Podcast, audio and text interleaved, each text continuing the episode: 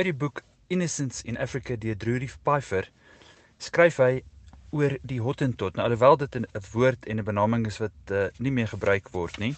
Um beskryf hy hier dat alhoewel die naam verander het, dis hoe hulle dit in daai tyd genoem het, so net historiese konteks. So hier is hulle nou op pad van Kaapstad af om um op 'n myn te gaan werk in Klein See um aan die Weskus van Suid-Afrika dit is die jaar 1937 en dit is hy as 'n klein seentjie van 3 of 4 en ehm um, wat hy skryf het hy gekry en is oorgelewer deur briewe wat sy ma wat natuurlik ook daar was geskryf het aan haar skoonma. So honderde briewe is gebruik om hierdie boek te skryf. So toe hy klein was was uh, hierdie geskryf in 1937. Maar die boek is geskryf in 1994, maar dit speel af in 1937. Our train pulled out of Cape Town early Sunday evening. We were heading north into the desert. Table Mountain with its blue flanks and flat top faded with the light and was replaced by our own faces peering into the window of the dining car where we could now see the South African Railway logo, SAR, delicately inscribed in the glass. We slept in our bunks with the windows open the desert wind tickling through our hair.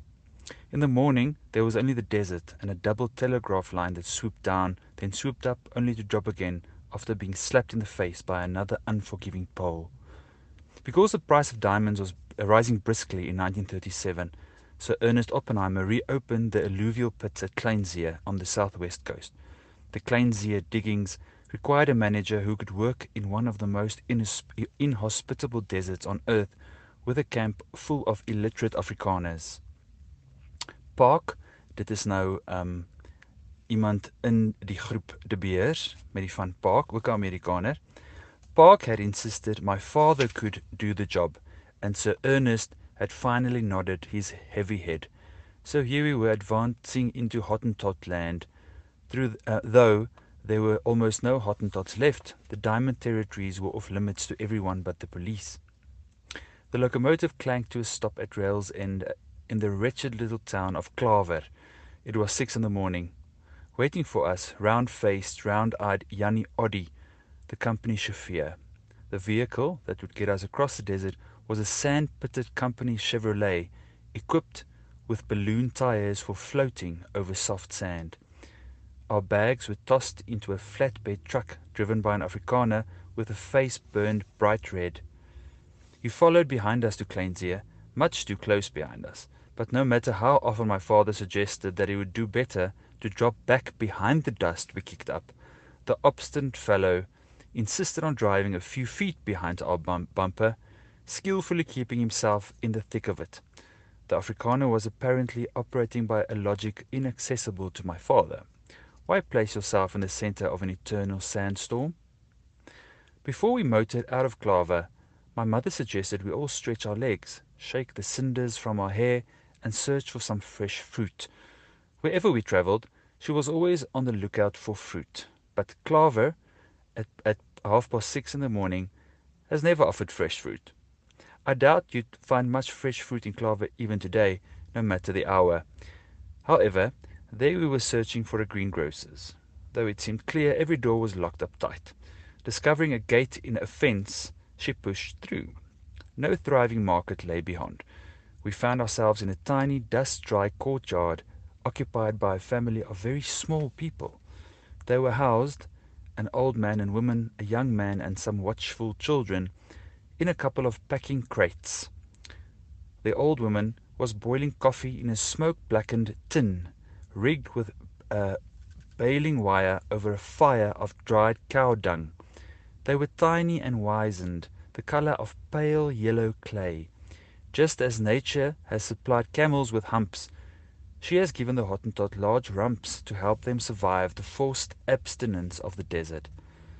And when they, when they age, their eyes seem to recede into a pair of cracks, just as lizards hide in fractured rock during the hot time of day. The wind racked faces of the old people were startling but no less startling were their clothes. They were all got up, the lot of them, in Victorian dress, ladies and gentlemen in cast off evening wear, long skirts, underskirts, and button boots.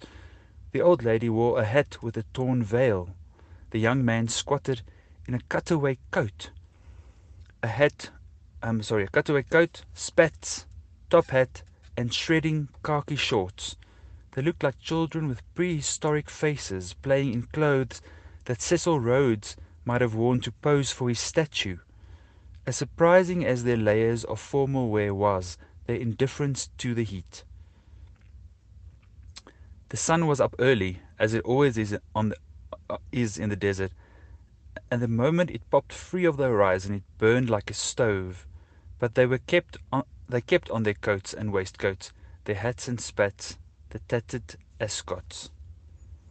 En dan vertel hulle maar net bietjie later verder oor ehm um, hierdie nasie en dat hulle eintlik in die verlede maar cattle herders was ensovoorts ensovoorts. Maar is tog interessant 1937 om in die dorpie Klawer aan te kom op hierdie groepe mense wat aangetrek is in hierdie klere wat hulle seker persent gekry het iewers en net asof hulle wil sê ons hoort nie hier nie. Jy weet hierdie is nie ons plek nie. Ons is vasgekeer hier. So dit dan Drew Pfeiffer uit sy boek Innocence in Africa wat in 1994 geskryf is oor sy grootword jare. Hy's gebore in 1933 in Germiston by, by Amerikaanse ouers wat eers aanvanklik sy pa in Nigel gewerk op 'n myn en toe is hulle Kleinsee toe wanneer hierdie storie afspeel, ehm um, wat hulle die ehm um, hierdie klein mensies teëgekom het en dan het hulle ook daarna oor in hier Oranje Moond in Namibië nie opgeëindig nie, maar hulle is omtrent in 1945 terug Amerika toe.